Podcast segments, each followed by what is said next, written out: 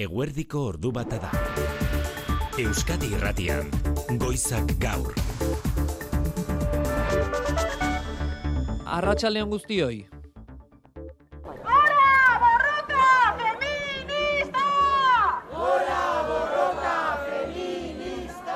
Emakumeen aldeko eta indarkeria matxistaren kontrako aldarria ozen ari da entzuten Euskal Herriko herri eta hirietan. Azaroaren hogeita bosgarren honetan milaka lagun atera dira kalera Euskal Herriko mugimendu feministak deituta. Violentzian kontra gaudela eta rebinditzekako kaleak gurea dirala eta eskubide guztia daukagula. Aldarrikatzeko ba, kaleak eta egunak gauak dena gureak direla. Emakume bezala edo edo norako genero identitate bezala ba, e, bizitzeko eskubidea daukagula eta inor ezin gaituela e, indarkeria zapaldu. emakumeak hiltzen erailtzen dituztela labezorroak izango bagina bezala eta zeo zer egin behar dugula. Gutxienez gure oiua hemen azaldu kaletan. Herritarren mezuak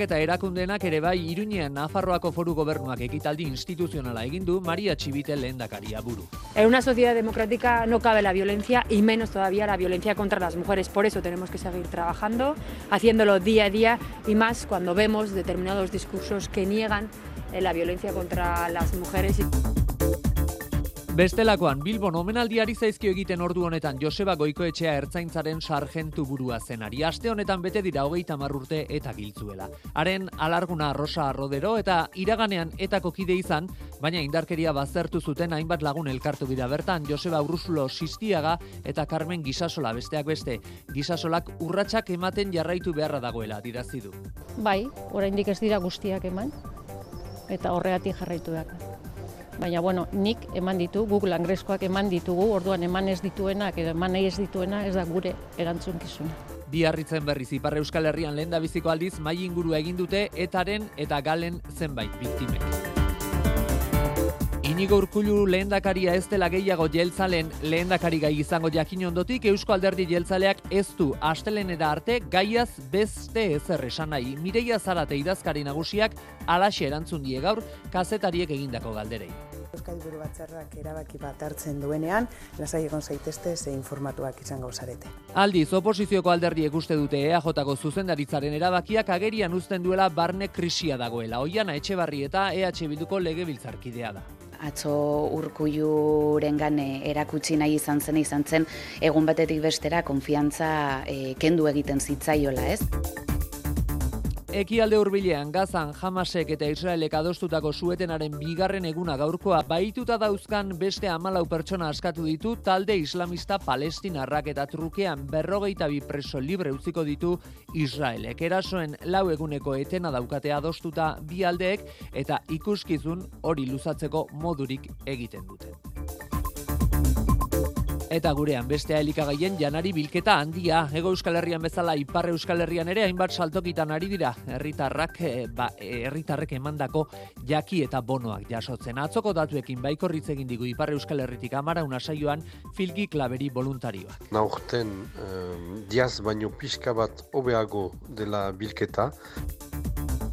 Ordu bat aterdietan kirolei tartea egingo diegu. Xabier Murua, zer da ordu honetan aurreratu beharrekoa Arratsaldeon. Arratsaldeon alabezek gorontz egindu selkapen nagusian demoraldiko laugarren garaipena eskuratuta. Hiru eta bat nagusi mendizorratzan Granadaren kontra bihar jokatuko dute realak eta osasunak, etzi izango da atletiken txanda, Dani Gartziak giarretako lesio dola jakinerazi du talde zurigorriak. Bigarren maila Ibarrek, garaipendaren bidera itzuli nahi du ipuruan, Levanteren kontra, F Ligan jokoan zubietan, Reala orengoz e, irabazten, Jensen golegile Realak bat, Valentziak utx, Eibarrek Levanteren zelaian jokatuko du.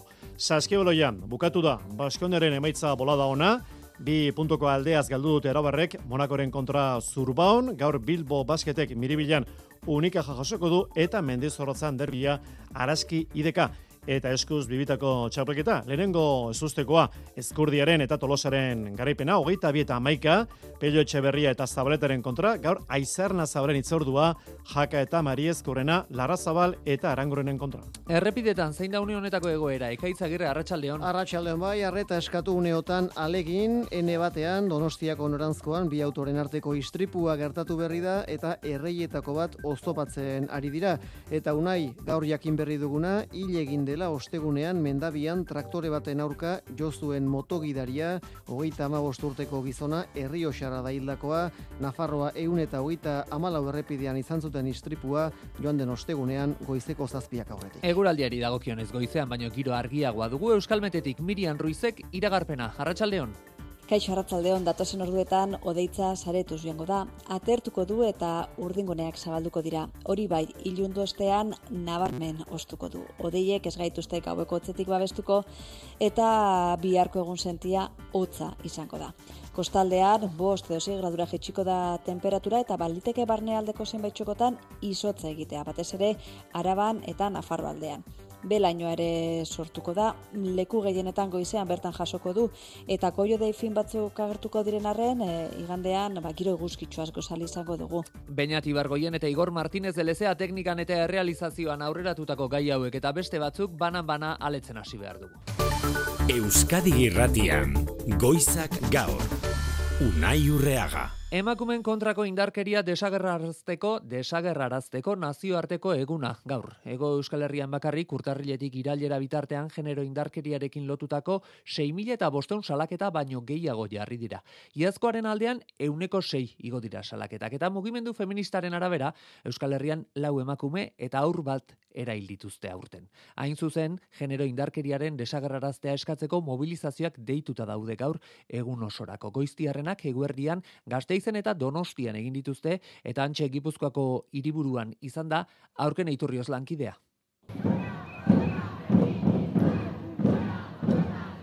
Indarkeria matxistarik gabeko bizitza leloarekin pankartaren atzean Donostian milaka ahots emakumeek pairatzen duten indarkeria behin betiko desagerraraztea eskatzeko indarkeria matxistaren kontra e, aldarrikatzeko ba, kaleak eta egunak gauak dena gureak direla. Emakume bezala edo, edo norako genero identitate bezala ba, e, bizitzeko eskubida daukagula, eta inork ezin gaituela e, indarkeria zapaldu. Naiko larria dala, eh? Talatza. Bai, betiko arazoa, behin eta berriro atera behar gea. Erakundei eskaria luzatu diete emakumen kontrako indarkeria ezabatzeko neurri eraginkorrak jarditzaten. Maider Ilargi, Euskal Herriko mugimendu feministaren kidea da. Azkenean violentzia struktural bada, ez, heteropatriarkatuak eta kapitalismoak eta arrazakeria ikin jasatzen duguna, eta bueno, guke nahi dugu kaleratera hori interpelatzeko institutzeak, eta baita ere, bueno, gizonei esateko ere bai izateko sistemaren konplize. Azken urteon genero indarkeriak lau emakumezko eta aur bat hilditu Euskal Herrian, salaketak euneko sei igo dira, sexu erasoak eta kasularriak ere gora etengabe. Donostian eta Gasteizen eguerdian atera dira kalera horrekin amaitzeko eskatzeko. Arratsaldean Baionan Bilbon eta Iruñean egingo dituzte mobilizazioak. Euskal Alderdi Politikoek izpide izan dute gaur indarkeria matxista Eusko Alderdi Jeltzaleko Euskadi Buru Batzarrak adirazpena onartu du. Mireia Zarate Euskadi Buru Batzarreko idazkari nagusiak irakurri du harra eta bertan jeltzaleek diote gizarte osoak erantzun behar duela errealitate horren aurrean eta besteak beste zaintza ereduan jarri dute azpimarra. Gaur egun, egokia ere bada, Euskadin zaintzaren politika publikoek esparru publikoan eta komunikarioan gero eta garrantzia handagoa, handiagoa izan behar dutela azpimarratzeko. Emakumeek izan dezaten zaintzeko atasa beren gain hartzeko edo ez hartzeko erabakia hartzeko eskubidea. Bai eta beren burua zaintzeko orduan ere.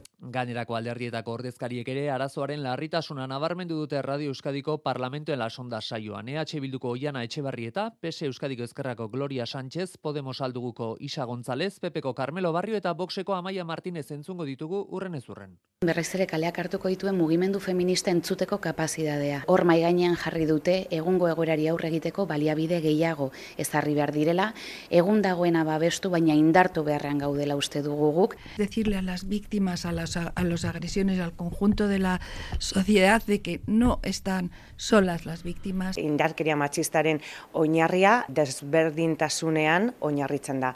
Eta horretan, horretan lan egin behar dugu sakonean, eta sexu eskuntza integrala izan daiteke oinarri bat. Seguir profundizando y seguir avanzando políticamente también en eliminar esa, esa lacra. Tenemos que empezar a tomar medidas mucho más serias, como por ejemplo eh, aumentar las penas a los violadores. Goizak gaur. Etak Joseba Goikoetxe ertzaintzaren sargentu burua hiltzuela hogeita urte bete dira aste honetan. Hori gogoan omenaldi ari zaizkio egiten ordu honetan Bilbon hiltzuten lekutik gertu. Bakea Josebaren bizipoza izena jarri diote ekitaldiari. Bertan dira Rosa Arrodero, alarguna eta erakundetako ordezkariak ere bai, eta baita etako zenbait kideoi ere tartean Carmen Gisasola. Ane agirre lankidean da, arratsaleon ane.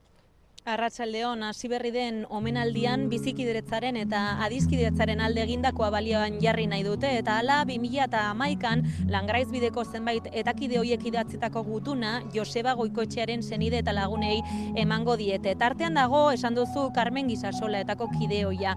Gisasolak oso gogoan izan du duela 10 urte Rosa Rodero alargunari hemen txemandako besarka da lehen topaketa ura, baina dio gizartean ez da normalizaziorik batez ere herri txikietan lana dago egiteko asko entzun.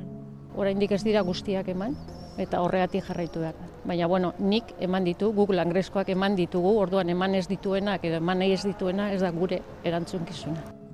Urrasoiek balioan jarri ditu nerea melgosa justizia eta gizarte politiketako sailburuak eta gazteak izan ditu izpide beharrezkoa delako gaia landu gertatutakoa ezagutarazi familiak ere hortan pauso bat eman behar dugu, ez? Gure bai gure gaztearekin hitz egin honetan, ez? familia hori batzuk oraindik ez dute hitz egin horretaz eta guretzako bai adia adian eta eren egun programa ondo daude, ez?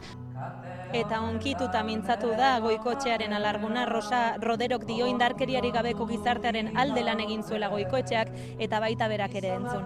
Todos somos aquí eh, eh, personas, todos tenemos que estar juntos, Todos tenemos que luchar. bidea ederra izan dela, datozen belaunaldien gatik, violentzari gabeko gizartea lortzeko lana denen artean egin beharra dagoela. Hori hortaz eh, Bilbon ordu honetan eh, gertatzen ari dena Ipar Euskal Herrian berriz lenda biziko aldiz etaren eta galen biktimek mainguru egin dute biarritzen. Besteak beste Fernando Buesa Fundazioak eta Covitek hartu dute parte Aitor Sagartzazu.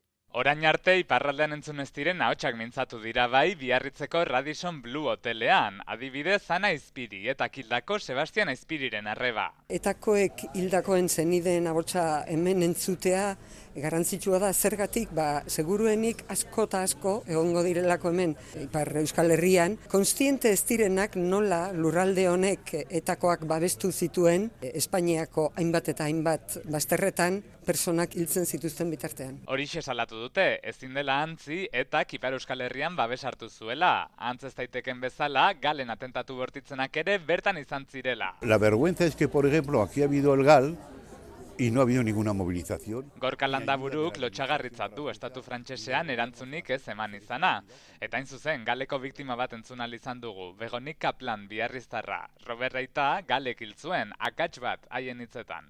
Eta malkoak begietan aitortu du, errekonozimendu txikienik ere ez duela jaso. Alaber, bake bidea eta bake artisauek etaren zuritzen laguntzen dutela ere deitoratu dute. Fernando Buesa Fundazioak, COVID eta gogoanekin batera antolaturiko mai inguruan. Eta Donostiako altzan gaur Mikel Zabaltza izan dute gogoan Guardia Zibilak torturapean hiltzuela hogeita emezortzi urte dira, Mikelen txokoan oroitu dute bihar berriz orbaitzetan egingo diote omenaldia. Mikel Zabaltza gogoan ekimenak antolatuta, egia, justizia eta erreparazioa eskatzeko. Ordu bat eta amairu minutu, politikan zeresana jarri du EAJ hartutako erabakiak. Alderdiaren zuzendaritzak inigo urkulu lehendakariari jakinarazi dio, legebiltzarrerako urrengo hauteskundetan ez dela bera izango jeltzalen lehendakari gaia.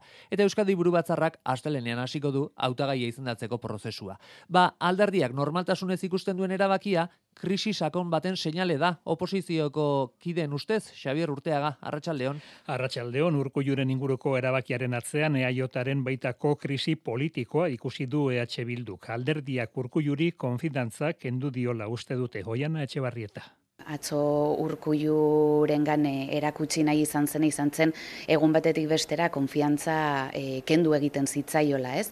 Eta horregatik diogu demostratzen duela honek e, EAJaren barruan ba, krisisakon bat e, zabaldu dela. EAJ igatuta, gastatuta, ziklo aldaketari erantzun ezin da dagoela gaineratu du etxe barrietak. Elkarrekin Podemosek erakundetan egin beharreko errelebo naturala dela uste du, harrituta daude, ala ere, albistea zabaltzeko moduarekin, Isa González.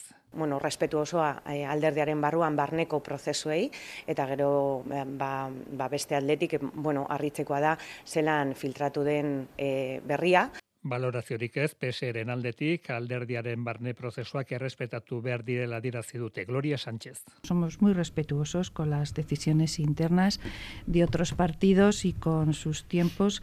Carmelo Barrio Popularraren arabera argi geratu da Ajurianean gertatzen dena Sabin etxean erabakitzen dela. La persona que esté, en Ajurianea pues está sometida permanentemente ¿no? a Sabin etxea, a, en este caso a Hortuzar, Eta boxeko Amaia Martinezek hauteskundetako boto galerekin lotu du EAJaren erabakia. decidido utilizar a Urkullu como cabeza de turco a quien endosar esos malos resultados. Jeltzaleek EBB katzo kaleratutako oharraren edukiari eta mezuari eutxi diote gaur ere lehendakari gaia aukeratzeko prozesua. Astelenean hasiko dela berretsi du Maitan Ipinazar legebiltzarkideak. oraindik barne prozesua guk alderdi mailan zabaltzen dugun barne prozesua hautaigaitzake aukeratzeko ez da zabaldu. Eta e, astelen honetan batuko da Euskadi buru batzarra gai honen inguruan berbaiteko Abiatzear den prozesuarekiko errespetua eskatu du. Politika munduko beste izen propioa Jose Antonio Santanorena. Irungo alkate sozialista kargu utziko du Espainiako garraio estatu idazkari izateko. Hogeita bat urte daramatza irunen alkate.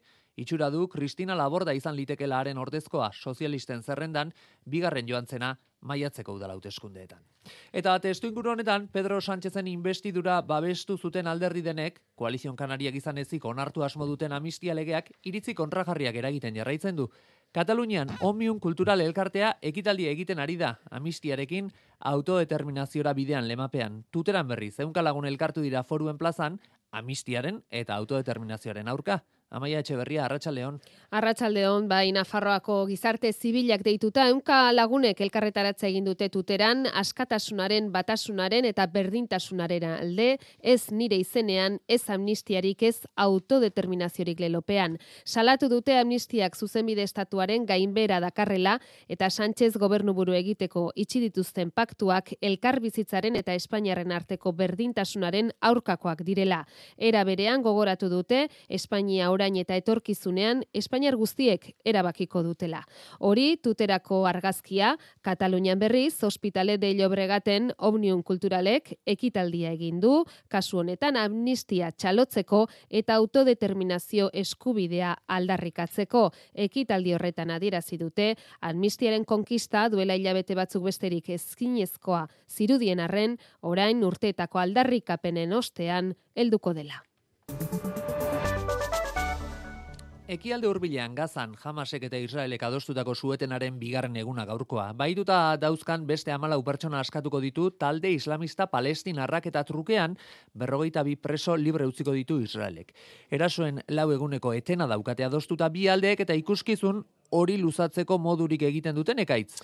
Arratxaldean unai, ondo bidean datozen minutu edo orduetan gauzatuko da Israelen eta Hamasen arteko bigarren elkartrukean nazioarteko gurutze gorriaren bitartekaritzarekin. Amalau baitu askatuko ditu Hamasek, Rafako pasabidetik Egiptora eramango dituzte, han Israelgo inteligentzia zerbitzuen esku uzteko. Behin hori eginda, berrogeita bi preso palestinar utziko dituzte libre, emezortzi emakume eta hogeita lau adingabe dira. Palestinako presoen aldeko mugimenduak jakinarazi du atzo egin bezala Cisjordanian Ramala kanpoaldean utziko dituztela libre haiek ere gurutze gorriaren bitartekaritzarekin. Bien bitartean bigarren sueten egunean gizalaguntza ere sartu da gaur Gazan Rafako pasabidetik. Dozenaka kamioi sartu dira ur elikagai, botika eta erregaiarekin eta nazio batuen erakundeak jakinarazi duenez lehenengo ziritsi dira laguntza daramaten kamioietako batzuk gaza iparraldera.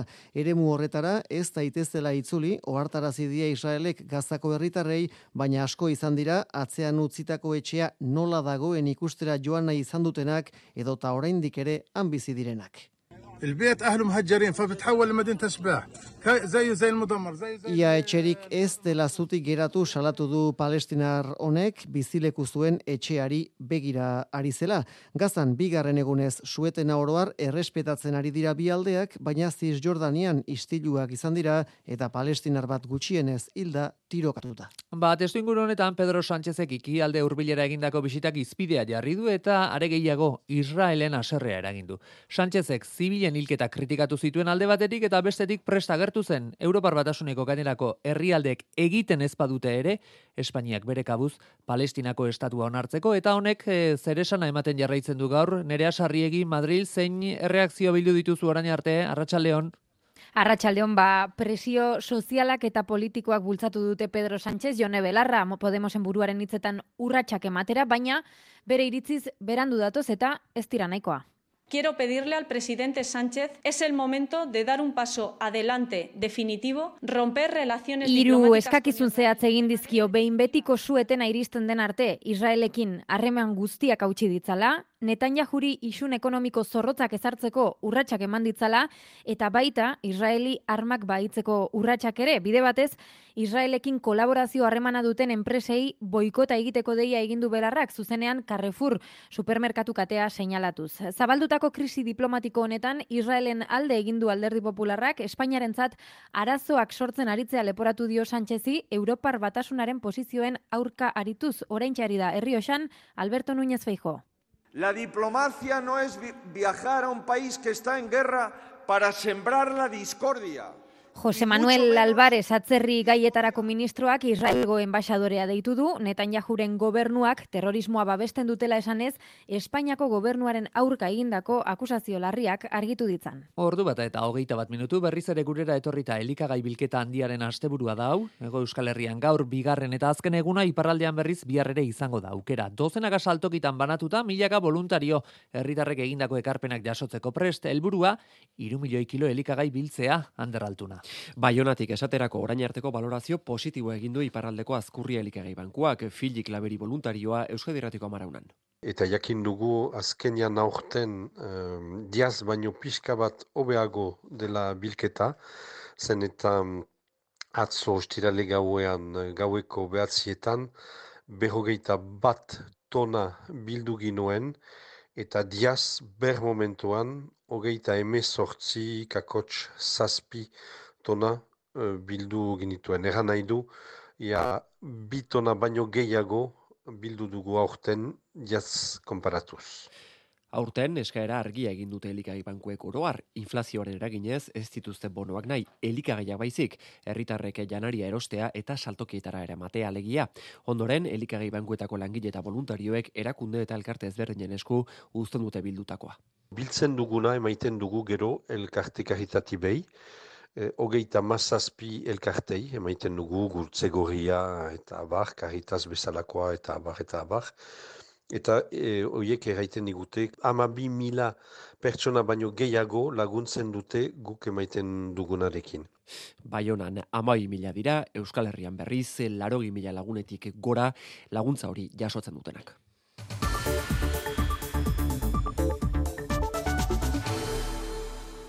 Aspanogi, minbizia duten umen gurasoen gipuzkoako elkarteak hogeita urte betetzen ditu aurten, hori dela eta gaur ospakizun eguna dute. Gurekin da nerea goikoetxea, Aspanogiko lendakaria. Arratxaldeon, nerea.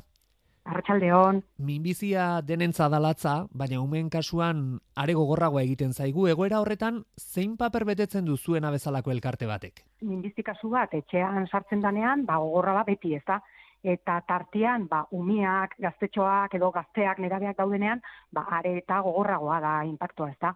Orduan ba bueno, guk e, gure elkartetik e, diagnostiko hori aldatu ezin badegu ere, ba bueno, saiatzen gea babesa ematen diagnostikoa bea dagon momentutik unetik, ezta.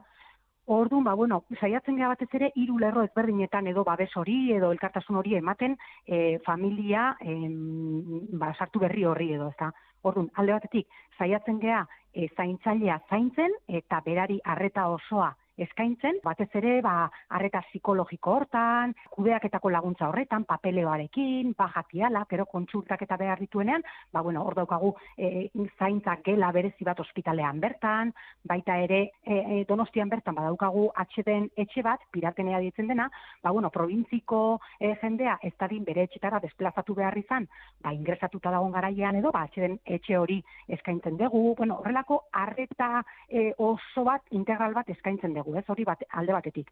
Eta gero beste bi alor ere badaude. Alde batetik beraien artean harremanak bultzatzea, ze eh, konpartitzea edo elkarbanatzea esperientzi berdina pasaduen beste familia batzuekin oso oso garrantzitsua irutzen zaigu eta hala suertatzen da normalean. Eta azkenik ere e, batez ere ikastetxeetan lan egiten dugu ba gure kausa ikusarazten ez? Pizka bat, ba, tabuak kentzen, normalizatu nahiean, eskolan lagun artean korrian tokatuko delako, ba, pikin bat hori e, naturalizatzeko prozesu hortan ere saiatzen gea e, eskutxo bat gotatzen, eh? Ba, izaten zenuen ere ikusarazi. Hori izango litzateke zuen e, aldarrikapenetako bat eta beste akaso ikertzen e, jarraitu beharra dagoela. Batez ere hortik, ez? Batez ere, zuk esan dezun bezala, ikusaraztea eta gero konturatzea famili guztien beharrak ez dira berdinak, ez? Eta gure elkartetik saiatzen gea, e, ba, esan dakoa, babes hori ematen, baino askotan, eta oraindik ikusten dugu, ba, lan alorrean, hezkuntza alorrean, badaudela, e, guaindik e, zeregin asko, ez? Ba, famili batek igual Madrilera edo Barcelonara jun behar du ingresoa egitea, ba, ez dago egoera berdina, e, egoera berdinean e, ekonomikoki ondo dagoen famili bat edo ez dagoen bat, hor guaindik ba, ba, e, falta da bultza daundi bat, edo ezkuntza e, alorrean, ba, bala, o, igual hemen bertan jaio ez den familia ugari, ba, bueno, eiek ere, ba, behar bereziak dituzte, eta gero, gaixotasuna bukatu ondoren ere, zer gertatzen da, goia sendatu behatak ba, normalean ez da hola, ez? Ondorio dual berantziarrak azaltzen dira, ba, bai psikologikoki, bai kognitiboki, ba, horre ere bultzatxo bat ustez falta dela, ez? Eta gero, bigarren hanka, ikerkuntza aldetik, ba, horre ere behar beharrezkoa da e, aurrera pausoak egitea, egia da, aurreratzen nahi gehala, baina oraindik ere e, badago zer egina, ez? Aste honetan, bai, aste honetan Eusko Legebiltzarrak hau batez aurren minbizia kasuen arreta hobetzeko profesional gehiago eta azpiegitura hobeak eskatu ditu, zein garrantzia du honek zuen ustez? Bai, izugarria, izugarria. Aurrerapenak e, egin dira eta oso oso eskertzekoa da. Egia esan, Donostiko ospitalean zorionakoakea e, txapelak entzeko moduko profesionalak dauzkagulako eta hori aipatu behar da, baina egia da batzutan motz geratu daitezkela, ordun bai onartu den akordio honetan az, azpiegiturak egokitu eta hobetzeko e, esfortzu bat egiten da, ez? Eta eta bai azpiegitura izan daitezke materialak eta baita pertsonal aldekoak ere, ez? Orduan hori garrantzitsua da. Baita ere, behan artean talde multi, multidisciplinarrak edo osatzea baita ere hori garrantzitsua da. Ba, onkologo, psikologo, erizainak elkarrekin departamentuak osatzea, elkarrekin lan konjunto bat egiteko. Eta baita ere esaten zenuna, ba, ikerketa e, arloan ere, ba, ematen du aurrerapen bat egingo dela, ba, e, ikerketa klinikoetarako unitate bateratua ematen du lako sortuko dela, ez? Eta orduan hor e, aplikatuko dira ba, Europatik datozen ba, irizpide guztiak, eta hori ona da, hori ona da. Testu ingun honetan gaur arratsalean ospakizun gala egingo duzu kursal jauregian, une tristeak ziur izaten dituzuela, baina ospatzeko motiboak ere badirelako nerea. Hoixe da, ba bai, egia da, hogeita urte hauetan, ba momentu gazia, garratzak egon diala, baina baita goxoak ere, ez?